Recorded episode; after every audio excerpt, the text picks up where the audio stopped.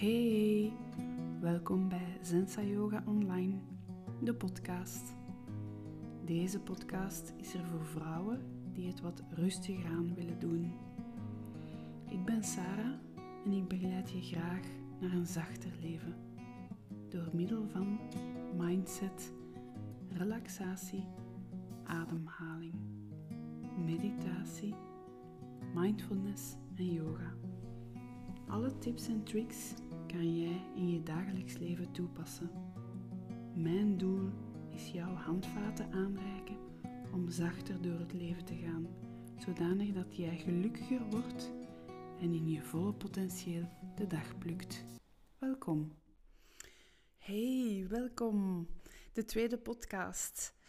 Ik vind het nog steeds heel, heel spannend, maar ik ben heel blij dat jij luistert. Echt super blij. Dus dank je daarvoor. Ik hoop dat ik je vandaag ook weer een beetje kan inspireren. Voor wat betreft de eerste podcast uh, was ik eens even aan het nadenken en ik ben twee zaken eigenlijk een beetje uit oog verloren om te zeggen. En dat is, uh, ja, gewoon dat, dat ik super dankbaar ben geweest en nu nog steeds dat ik dat mag doen. Dat dat eigenlijk ook een klein beetje een, een droom is voor mij. En in de vorige podcast um, ja, had ik gezegd uh, dat ik niet ging knippen, dat ik het puur ging houden. En ik ga dat nu ook zo doen. Dus je gaat af en toe een keer een um horen. Of een keer, weet ik veel, een bik die valt op de grond. Of maakt eigenlijk niet zo heel veel uit. Dus um, van de eerste podcast, ik heb mij gerealiseerd dus dat ik het niet, eigenlijk niet alleen doe omdat mensen mij zeggen van je hebt een mooie stem en je moet daarmee iets doen, maar eigenlijk omdat ik gewoon heel graag mijn inzichten overbreng. Dus ik heb tal van opleidingen gedaan in yoga, in mindfulness, in pilates, in, in ja, um, en dat is verspreid geweest over een um, tiental jaren. Um, de grootste opleiding die ik vervolmaakt heb is in Nepal. Heb ik een 500 uur uh, advanced yoga teacher training gedaan. Um, dat was een super ervaring om naar het oosten te gaan. Ik had het al wel gedaan als kind, maar nog nooit als volwassene. Dus dat was zeer fijn. Dat heeft me heel fijne inzichten gebracht. En eigenlijk alles wat dat mij geholpen heeft tot dus ver uh, om mij van een stresskip af te brengen, om mij eigenlijk een beetje rustiger te maken, om mijn leven wat zachter te maken, dat wil ik graag aan jou overbrengen. Dus dat is ook eigenlijk de tweede reden waarom ik de podcast absoluut wil uh, verder zetten. En dus voilà, bij deze een tweede opname. Vandaag ga ik het hebben over onder andere Pilates, maar ook over meditatie. En ik ga eigenlijk beginnen met Pilates. Ik ga kort uitleggen wat Pilates eigenlijk is, omdat veel mensen mij ja, nog komen vragen van wat is dat eigenlijk? En blijkbaar is dat toch niet zo duidelijk voor iedereen. Dus Pilates is eigenlijk een workout of een beoefening of een, uh, ja, een sportbeoefening. Ik, ik vind wel dat je dat sport kan noemen, omdat het zich eigenlijk concentreert op spierverstevigende oefeningen. Dus je gaat bij Pilates je lichaam sterker maken. En van waar komt de naam Pilates? Dat komt van Jozef Pilates, dus Pilates was zijn achternaam. Hij was een Duitse kinesist en hij leed aan astma en reuma. En hij heeft eigenlijk oefeningen uitgevonden, niet alleen voor zichzelf, maar ook voor zijn patiënten, om um, ja, natuurlijk te herstellen, om natuurlijk te uh, helen, om natuurlijk te genezen. En um, Pilates oorspronkelijk was een beoefening zonder toestellen, maar Jozef Pilates heeft wel toestellen naderhand eraan toegevoegd. Wij in de studio of online, we zijn een online en een offline studio, misschien dat je dat weet, misschien ook niet, nu weet je dat wel. Wij in de studio, online of offline, gebruiken geen toestellen. Dus we doen alles met ons eigen lichaamsgewicht. En misschien dat je de namen BBB of Calanetics of Fat Burning wel een belletje doen rinkelen of Body Sculpt, dat zijn allemaal benamingen van soort van gelijkaardige lessen dan Pilates. Dus het gaat er allemaal wel een beetje op lijken. Waar dat Pilates zich echt eerder oorspronkelijk concentreerde op versteviging van alles, van alle spieren rondom de wervelkolom. Want Pilates ging ervan uit dat uw powerhouse, dat is de kern van uw lichaam, dat ligt ja, ter hoogte van uw buik, dat daar uw middelpunt is en dat dat middelpunt u dan uh, in een correcte balans brengt als je dat goed onderhoudt. Dat wil zeggen dat Pilates eigenlijk wil tegengaan dat je rugklachten krijgt, dat je um, ja, vooral rugklachten krijgt door te lang te zitten, door te lang te staan, door te lang een eenzijdige houding aan te nemen. Dus wat doen we bij Pilates? Wij gaan eigenlijk alle spieren rond de wervelkolom gaan verstevigen. Dus dat zijn niet alleen de buikspieren, ook de schuine buikspieren, de taillespieren, de rugspieren. Maar wij bij Zensa Yoga Online doen al de rest ook. Wij gaan ook naar de armen, de benen. Ik vind je kunt je lichaam niet genoeg verstevigen, bij wijze van spreken. Um, alles vertrekt vanuit die kern, vanuit je buik en, en aan de andere kant je rug, maar de rest volgt dan ook wel automatisch. Dus je hebt voor Pilates niks nodig, enkel jezelf en een matje. Daarvoor kan je ja, gemakkelijke kledij aandoen, dus een legging en een topje of een t-shirt. Je gaat zweten tijdens een les Pilates. Je gaat je spieren voelen, dat kan ik je garanderen. Maar dus het resultaat is dat je een sterker lichaam gaat hebben. En ja, heel vaak raakt ons lichaam uit balans door, door langdurig, door lang een bepaalde houding aan te nemen. En daardoor zijn bepaalde spieren wel actief en andere spieren niet actief. En als je gaat bewegen over het algemeen, ga je veel meer alle spieren gaan gebruiken. En bij Pilates willen we echt dus de kern, ja, oorspronkelijk de kern, maar wij doen ook uh, alle andere lichaamsdelen. Wij hebben bij Zensa Yoga Online ook pop Pilates. Wat is dat nu juist? Je hoort daar het woordje pop toegevoegd aan, aan, aan Pilates. Dus dat is eigenlijk Pilates op muziek, want Pilates aan zich gebruikt geen muziek en wij doen dat ook niet speciaal. Muziek gebruiken in de Pilatesles, maar wel bij de pop Pilates. Wat brengt dan nog meer? Dus je gaat um, zeer erg op de maat van de muziek gaan bewegen. De ene um, studie toont aan dat je spieren lang, langdurig in contractie houden, dat dat goed is, maar de andere studie zegt ook van contracteren en terug loslaten, dat dat ook heel goed is. Dus je hebt echt wel studies die zeggen beide zijn goed. Dus bij Pilates gaan we effectief iets langer de spier gecontracteerd houden, omdat er geen muziek is. Niet dat dat heel lang duurt, maar we tellen dan een beetje en dat, ja. Maar dus op de popmuziek, dan zijn we bezig in 8 tellen, in 16 tellen, in 32 tellen. En daar ja, is het op en af, op en af, op en af, constant op en af. Dus dat heb je wel bij poppilates. En wat is daar nog een extra bij, is het cardio-gedeelte. Cardio betekent dat je je hartslag naar omhoog gaat krijgen, dat je eigenlijk een beetje hetzelfde effect gaat uh, genereren als bij fietsen of bij lopen, dat je ja, ja, heel actief gaat bezig zijn op de maat van de muziek. En cardio plus spierverstevigingen, dat heeft, dat heeft een mens nodig om echt wel in balans te zijn. Goed, dus uh, dat voor Pilates en voor pop Pilates. Stel dat je iets van vragen hebt over alles wat ik uitleg, of comments, of zaken die je wil weten, of, of dingen die je denkt, ja, weet ik veel, dan kan je mij altijd wel ehm, contacteren. En dat is via de Zensa Yoga Online Instagram.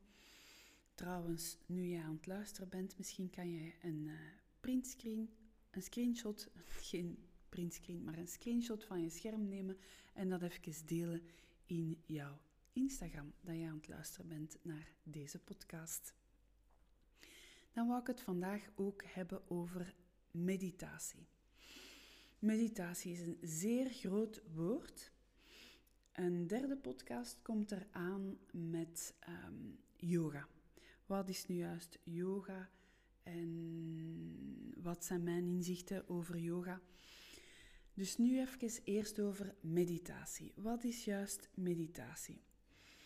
Meditatie is voor mij en voor een groot deel van mensen die mediteren bewust worden zonder oordeel. Dat is voor mij een heel um, ja, brede definitie, bij wijze van spreken. Ik wou daar nog even aan toevoegen dat heel veel mensen meditatie zweverig vinden, of iets ver van mijn bed, of echt iets voor hippies. En je kunt dat zeker en vast denken, en uiteraard ieder zijn eigen mening, en dat is allemaal heel persoonlijk. Um, ik geloof heel erg in meditatie in de zin dat de kracht van je mentale welzijn enorm is. Dus je geest is eigenlijk je besturingssysteem. Je geest is eigenlijk ja, de, de, de computer van, van jezelf, bij wijze van spreken. Misschien is dat geen goede uitdrukking, maar je verstaat mij wel, denk ik. Dat is echt je ja, je controletoren. Van daaruit vertrekt alles. En naarmate ik als kind opgroeide en dan ouder werd en nu als ik terugkijk naar mijn kind zijn of mijn tiener zijn, besef ik dat ik als tiener ook al, als kind eigenlijk ook al mediteerde. Maar ik zag dat toen eigenlijk eerder als bidden. Een soort van bidden omdat ik dat zo geleerd had op school. Ik ben zelf nooit gedoopt geweest, dus ik ben van geen enkele godsdienst. Mijn ouders wilden echt wel kiezen, uh, onze vrije keuze laten van onze godsdienst, maar ik ben dus niet gedoopt. Dus. Maar ik had dat soort um, naar binnen keren wel geleerd in de kerk en in school. Dat was voor mij een beetje bidden. En je kunt dat ik vind dat je meditatie toch een heel klein beetje kunt vergelijken met bidden. Het is niet helemaal hetzelfde, maar ja, je kunt het er een heel klein beetje mee vergelijken. Meditatie komt eigenlijk vanuit het Hindoeïsme en het Boeddhisme, dus vanuit het Oosten. En daar ligt eigenlijk ook een beetje de basis voor yoga. Dus nog voor Jezus Christus geboren werd, mediteerden er al mensen. En uh, ja, boeddhisten, hindoeïsten mediteerden toen al. En yoga is van daaruit ontstaan in de zin dat degene die mediteerde heel lang zitten of bleef staan, dus heel lang in dezelfde houding zaten of stonden. En dat dat echt wel op den duur heel oncomfortabel werd. Ze kregen overal pijn. En ze beseften dus door te bewegen, door eigenlijk destijds een beetje gymnastiek uit te vinden. En dus eigenlijk was dat de oorsprong van yoga. Dat als ze bewogen en daarna kwamen mediteren of gingen zitten of, of staan, meestal is meditatie zittend of liggend, zittend dat dat dan beter ging dat hun heupen iets flexibeler waren, dat hun rug minder snel pijn deed, enzovoort, enzovoort. Dus vandaar komt eigenlijk yoga. Yoga is ontstaan uit meditatie. Ik ga je enkele uh, verschillende meditatievormen uitleggen, dat ik denk dat toch wel ja, een beetje van belang zijn dat je dat weet. Eerst en vooral hebben we Vipassana meditatie en dat is eigenlijk een inzichtsmeditatie. Dus als je Vipassana hoort, betekent dat een meditatie in stilte, waar dat de geest wordt getraind om veranderingen in lichaam en geest gewaar te worden. In die vipassana of inzichtsmeditatie um, spreken we vaak over keuzeloos gewaarzijn. Wat is nu eigenlijk keuzeloos gewaarzijn? Sarah die komt af met Chinees keuzeloos gewaarzijn. Als je dat ontleedt, een keuze maken en gewaar zijn. Dus het is eigenlijk je, aandacht brengen naar de veranderingen in een lichaam en geest, maar geen keuze nemen. Dus echt gaan zien van, ah ja, mijn aandacht gaat van mijn geest naar mijn lichaam en nu voel ik iets en nu is terug naar mijn geest. En echt daar geen keuze maken, en dan besef je ook dat alles een beetje van voorbijgaande aard is. Dat is ook een van de theorieën uit het boeddhisme. Alles is van voorbijgaande aard. Of je kunt dat ook yoga-filosofie noemen. Alles is van voorbijgaande aard en jammer genoeg ook ons leven. Ehm, ik ga daar wel op een ander moment verder op ingaan, maar alles is van voorbijgaande aard. Dus ook je gevoelens, of het gevoel die je nu op dit moment hebt, je emoties, maar ook de kwaaltjes in je lichaam, ook de pijn in je lichaam. Eigenlijk kan je alles zien als iets van voorbijgaande aard. Dat is vipassana. En meestal doen ze dat in een tiendaagse, dat ze hun afzonderen in een abdij of, of in een retreat, in een vipassana retraite. En dan ga je tien dagen eigenlijk een beetje ja, jezelf tegenkomen. Dat kan ik je zeker garanderen. Dat je in die inzichtsmeditatie tien dagen aan een stuk, zonder iets te zeggen, zonder sociale media, zonder gsm, zonder schermen, zonder boeken, alleen mediteren, dat je jezelf echt wel tegenkomt. Maar dat is ook nodig. We hebben dat af en toe nodig. En je weet hoezeer dat jij stilte nodig hebt. Als je een drukke dag achter de rug hebt, stilte, dat doet zoveel deugd. Dan kom ik aan een tweede soort van meditatie. Ik leg graag transcendente meditatie uit. Dat is ook heel gekend. Mijn poes die is haar nagels aan, het, aan de mat aan het krabben, dus dat doe je op, op de achtergrond.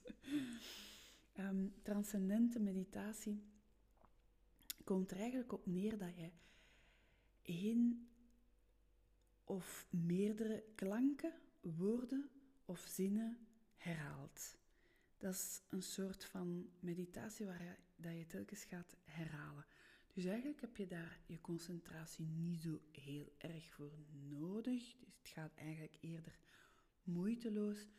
Dus moeiteloos je aandacht richten op iets zoals één woord, één zin of een klank of een toon of ja, zoiets. Dus dat is eigenlijk transcendente meditatie. En wat dat ze in de heel gekende transcendente meditatie training doen, die heel veel geld kost, uh, dat is dat ze uw naam vragen, uw geboortedatum vragen en dat ze dan u een uh, zin of twee woorden gaan zeggen die aan jou toevertrouwd worden. En dat is dan meestal in Sanskriet. En Sanskriet is de oude yogataal, is eigenlijk een beetje zoals, zoals Latijn en Grieks uh, voor ons is. Sanskriet is de oude yogataal en die wordt in de yoga nog altijd gebruikt, voor de houdingen onder andere. Dus in Sanskriet krijg je dan een naam toegekend en die is voor jou geheim. Dat is dus aan de hand van je eigen naam, je eigen geboortenaam en je geboortedatum. En die ga je levenslang behouden. En dat is die die jij in jouw transcendente meditatie gaat telkens gaan gaan zeggen in jezelf. Dat is transcendente meditatie. Dan kom ik bij mindfulness. Voor mij is mindfulness, was mindfulness een eye-opener. Die heeft mij heel veel gebracht. Mindfulness komt uit het boeddhisme en daarbij ga je bewust je aandacht geven aan het moment zonder oordeel. Het is dan zaaks van te kijken of de bereidheid te vinden om te blijven kijken naar je gedachten, gevoelens, lichamelijke sensaties, je fysieke omgeving, zonder goed of fout, dus zonder oordeel. Hoe vaak heb jij, meneer Ego, die een oordeel geeft op alles wat dat je doet, op alles wat dat je zegt, op alles wat dat er op je afkomt, in je fysieke omgeving, in je werkomgeving, in je privéleven, enzovoort, enzovoort. Constant staat die meneer Ego op post om eigenlijk je te beschermen, zo gezegd, maar die wil ons eigenlijk een beetje te veel beschermen. En daar komt stress van, dat is duidelijk.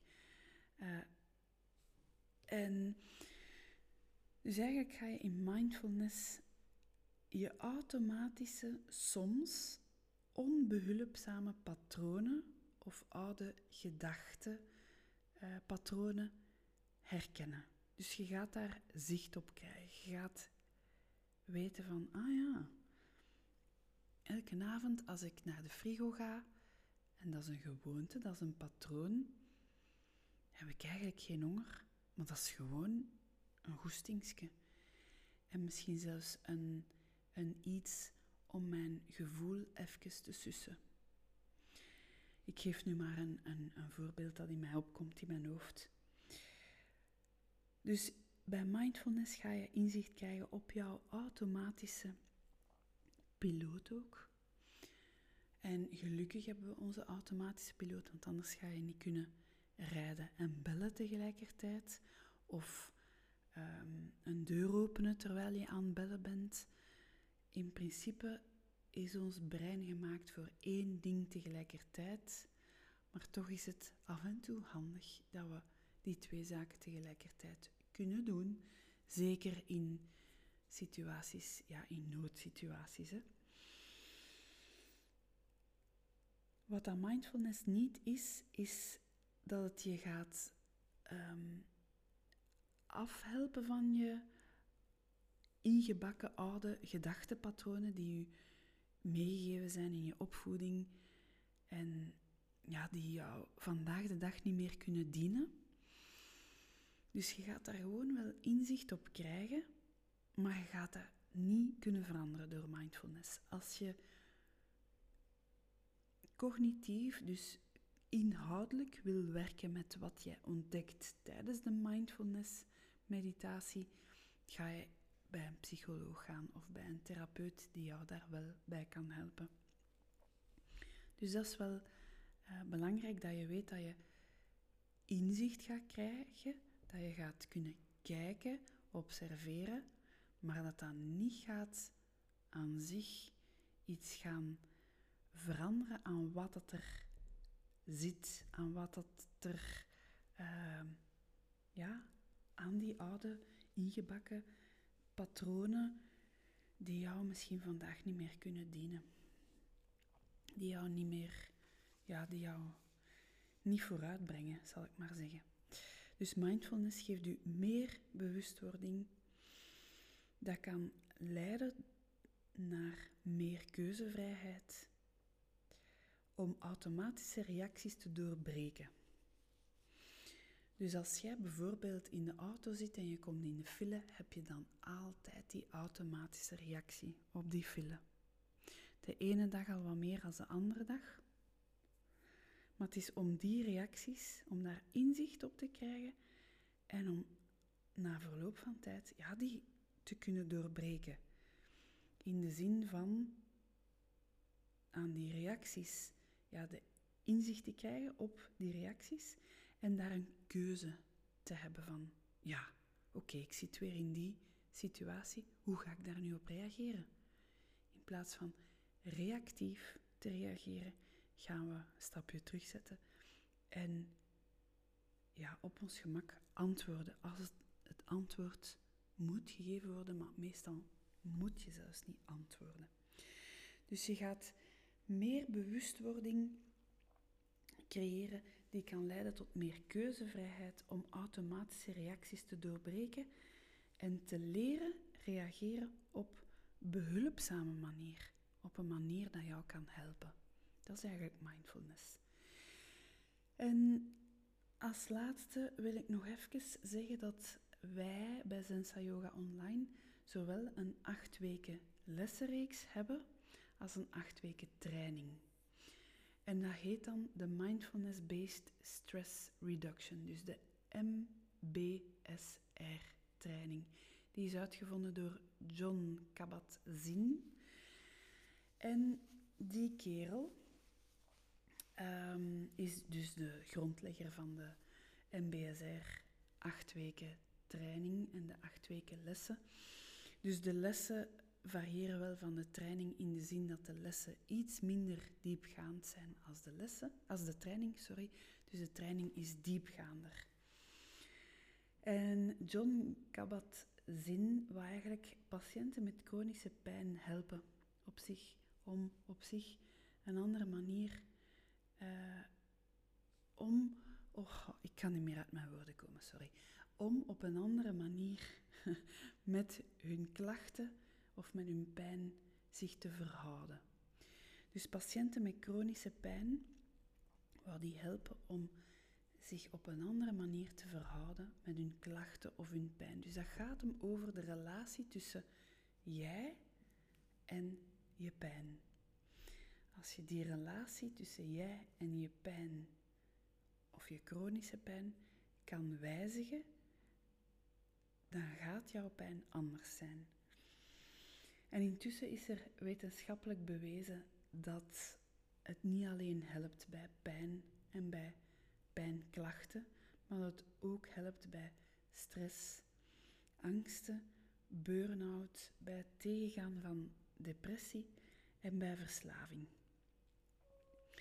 De oefeningen bij de mindfulness acht weken lessen of de acht weken training zijn meditaties die liggend zijn, die zittend zijn, loopmeditatie ja, of stapmeditatie. Maar daar zijn ook yoga uh, oefeningen bij. Dat was een berichtje. Sorry, dat heb ik niet afgezet. Dus dat staat er mee op. um, dus een beetje beweging aan de hand van yoga, maar ook zit, lig en stapmeditatie komen aan bod in die training of in die acht weken lessen. Dus je gaat eigenlijk je brein gaan trainen om meer aandacht naar dagelijkse activiteiten te brengen. Het is in de zin van die dagelijkse activiteiten, bijvoorbeeld de afwas, ga je dan echt wel doen met je volledige aandacht. Je gaat voelen dat dat water warm is of flauw is, dat die, dat die zeep of die afwaszeep goed ruikt of slecht ruikt. Je gaat met je volle aandacht de afwas doen of met je volle aandacht je tanden poetsen of met je volle aandacht je lunch of je avondeten eten. Waarom is dat van zo'n groot belang? Omdat we veel te snel over, ja, erover razen. Wij, wij staan niet meer stil. We zijn aan het eten en we zijn ondertussen aan het scrollen op ons scherm. En we beseffen niet dat de smaak die we naar binnen, of, of het kauwen en, en de smaak die we hebben in onze mond, dat dat een goede smaak is of een slechte smaak is. En zo heeft er iemand zelfs in de training bij mij gezegd van... Ik heb jouw woorden opgevolgd, Sarah, en die cola die smaakte mij helemaal niet meer. Dat was puur een gewoonte om elke keer na mijn lunch een cola te drinken. En ik heb het gelaten, want ik vond het echt vies. Voilà, ik wil je nu heel erg bedanken om hierbij te zijn. Er is alweer een half uurtje voorbij. Tot in de derde podcast. Dankjewel. Dag.